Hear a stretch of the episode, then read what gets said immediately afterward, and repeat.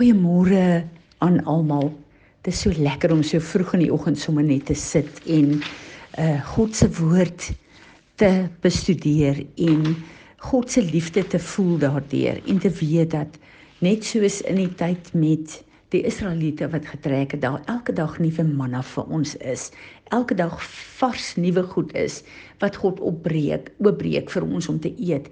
En dan is daar ou waarhede wat ons ken, wat ons weet, ons ken die skrif, maar skielik breek hy uit vir ons oop en ons kry daai geur van vars nuwe brood wat ons kan eet en dan weet ons hy is dieselfde gister, vandag tot in alle ewigheid, maar elke dag is hy vars en is dit wat hy vir ons bied 'n nuwe geur wat uh, ons meer honger maak vir hom en vir sy woord. Ek het die afgelope tyd um, so lekker geluister na 'n uh, Inspired Church en vir my is dit so 'n uh, opbouende 'n uh, plek om my um, pastoring te kry. Uh, en vir my, my te voel ek deur die woord bedien word deur gesalfde leiers wat Vader ehm um, sy woord voor oopbreek en uh, dan kry ek sommer net 'n nuwe perspektief. Uh, ek wil met julle 'n baie eenvoudige maar 'n kragtige ding deel in hierdie oggend wat so nuut en vars vir my geword het. Julle weet dat Israel het 'n gebed wat bid wat God vir hulle geleer het, die Jode, Shema, o Israel. En daai woord Shema beteken luister Israel. Uh Die Here jou God is een. Luister Israel, maar daai woord is ook 'n uh, gehoorsaam. So hierdie is nie net 'n aksie, 'n werkwoord van luister nie. Dit is wat jy hoor, moet jy begin uitleef in jou lewe.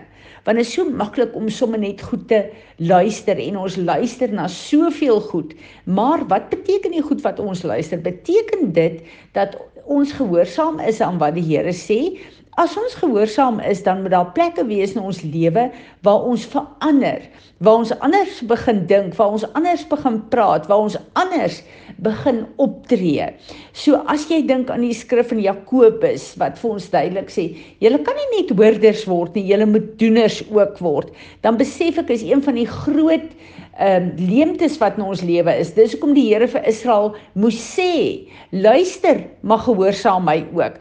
Want die woord beteken vir my en jou presies niks. Dit bly 'n letter as dit nie ons lewens verander nie, ons optrede verander nie, ons verander in die uh wese van wie Jesus die lewende woord is nie.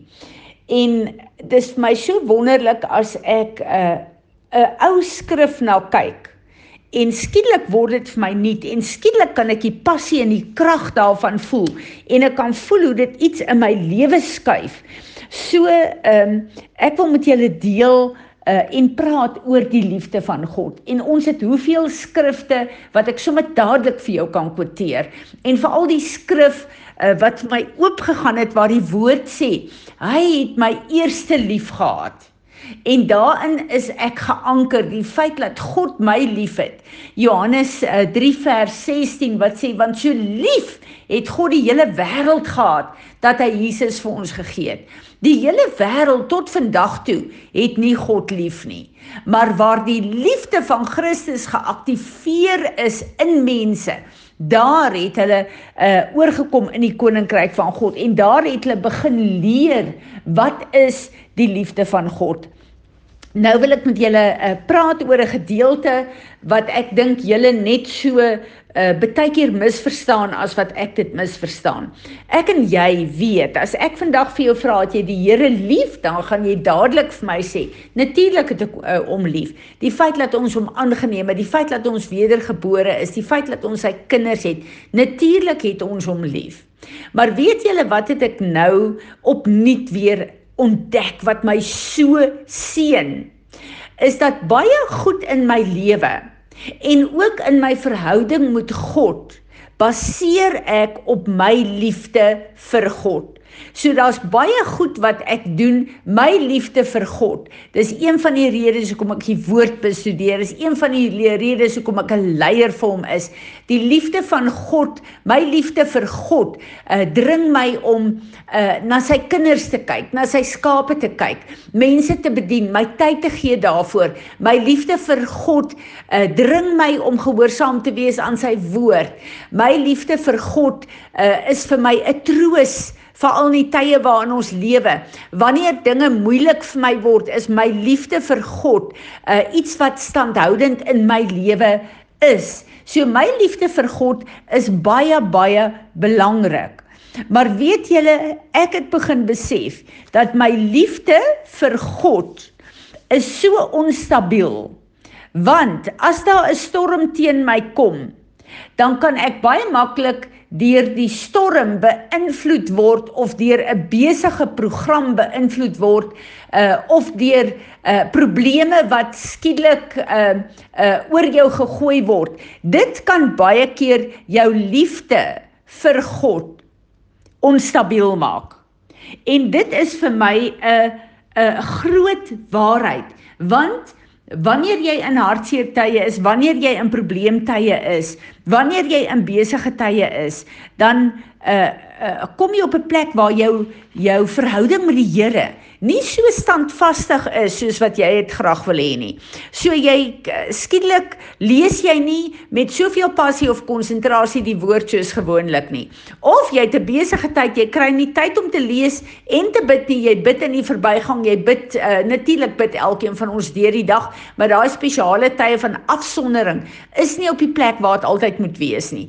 En dan het jy hierdie hele gevoel van onwaardigheid want uh jou liefde vir God, my liefde vir God bepaal tot 'n groot mate ons verhouding met God.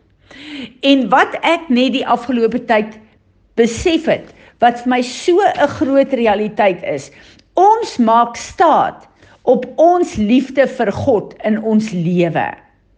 En dit is 'n plek wat baie onstabiel is want ons omstandighede en ons verhoudings bepaal dit baie. Die groot waarheid van die woord waar God sê hy het ons eerste lief gehad, beteken dat ek en jy moet fokus op God se liefde vir my. God se liefde vir my word nie beïnvloed deur my emosies nie. Dit word nie beïnvloed deur my omstandighede nie. Dit word nie beïnvloed deur my deur goed wat in my lewe is wat nie reg is nie. God se liefde is gefokus homself, sy hele wese, wie hy is. God is liefde. Alles wat hy doen, alles wat hy geskaap het, alles kom uit hom uit en hy is liefde. Liefde is vervul in hom. En dis daardie liefde wat ek en jy op moet fokus. As ek moet kyk na my eie liefde vir God, dan gaan ek baie twyfel of het God my lief of nie. Uh, uh volgens my omstandighede of die plek waar ek in my lewe is. Maar as ek begin fokus net op God se liefde vir my, dan gaan ek in my moeilike omstandighede weet maar God het my net so lief vandag as gister en tot in alle ewigheid. God se liefde is onwankelbaar en vas in die offer van Jesus Christus um uh uh in my lewe en in jou lewe. En dis so belangrik. En uh, as ons kyk na Petrus byvoorbeeld, Petrus wat God so lief gehad het dat hy hom geroep het as 'n pilaar van van die eerste kerk. Ehm um, maar Petrus was so arrogant in sy liefde vir Jesus gewees. En onthou hierdie is die disippels wat saam met hom wat persoonlik deur hom opgelei is. En uh toe Jesus vir vir uh toe Jesus met Petrus praat en vra of hy hom liefhet, uh, was Petrus baie arrogant geweest en hy het gesê maar hy sal saam met hom sterf. En uh, Petrus was die ou wat amper half gespoeg het in sy liefde en in sy kommitment vir Jesus. So Petrus het na sy eie liefde gekyk en Petrus het hom verraai. Maar dit het nie God se liefde, Jesus se liefde enigsins beïnvloed nie, want God se liefde is in homself ge, geanker. So Petrus se optrede, en jy weet ek en jy sal nou baie keer sê, "Sjoe, om Jesus te verraai, om hom te verloon." Maar ons doen dit ook tot 'n mate, baie keer daagliks, maar dit het nie Jesus se liefde of God se liefde vir Petrus enigsins beïnvloed nie. Jesus het nog steeds vir Petrus gaan sterf. Kyk na Judas. Judas het hom verloon en uh, uh, hy was die instrument wat die vyand gebruik het om Jesus oor te lewer. Hy het hom hy het hom verraai. En en uh, maar dit het Jesus se liefde vir Judas nie beïnvloed nie. Hy het nog steeds vir Judas gesterf, maar Judas het sy eie keuse gemaak. Net so, kyk ons na Johannes en die woord sê Johannes is die disipel wat met sy kop op Jesus se bors gelê het. Wat beteken dit? Johannes was geanker in God se liefde vir hom. Nie in sy liefde vir Jesus nie, in God se liefde. Hy was aan die hart van Jesus verbind geweest. En daarom as ons kyk na die hele scenario van die kruis, dan is dit so belangrik. Die woord sê, daar was niemand was daar nie. Al sy disippels het hom daar verlaat. Maar Johannes het aan die voet van die kruis bly staan, want Johannes was gekoppel aan God se liefde vir hom, nie aan sy liefde vir God nie. My ek het besef hierdie afgelope tyd ons liefde vir God en vir Jesus kan nie ons fokus wees nie, want dit is absoluut wankelbaar. Ek en jy is mense, hierdie tyd van die van die uh uh uh kruis, ag van die uh ewigheid, uh is ek en jy wankelbaar. En gebeur daar goed in ons lewe, nie oor ons wil nie, Maar dit is omstandighede en dis ons ou natuur waar ons liefde nie genoeg is nie. En wanneer ek en jy fokus op ons liefde vir hom, bly ons hierdie ervaring kry. Ek maak dit nie. Ek is nie goed genoeg nie. Kom ons haal ons oë af van ons eie liefde en ons plaas dit op God se liefde vir ons en weet dan dat maak nie saak hoe besig jy is nie, hoe onbetroubaar jy is nie, hoe jy geval het in in sekere goed wat jy moes doen nie, hoe jy misluk het, hoe hoe onbetroubaar ek en jy is. Daardie plekke is plekke wat ons dank die Here kan bely en regmaak. Maar moenie toelaat dat jou liefde vir God bepaal wie God in jou lewe is nie. Fokus op hom, hy wat jou geskaap het, hy wat al jou foute ken, hy wat jou liefhet vir jou gesterf het terwyl jy nog in al jou sonde is. Hierdie liefde vir hom is waarop ek en jy moet fokus en dit moet daai plek in ons vul van daai wete van ek is goed genoeg. Hy het reeds die prys vir my betaal ongeag wat ek doen en wat ek nie doen nie. Mag die Here ons help en mag hierdie openbaring van sy liefde ons so vul en dring dat ons al hoe meer en meer ons lewe oorgee vir hom. Here Jesus, u liefde is op Golgotha volbring vir ons elke een. Dankie, dankie, dankie daarvoor. Ek bid dat u liefde so gestalte sal kry in ons dat die getuienis van ons lewe vir u 'n soet en 'n aangename geur sal wees. Heilige, Heilige Gees van God. U wat die nuwe wyn is. Ek bid dat u in ons sal werk om te wil die volheid van ons Heer.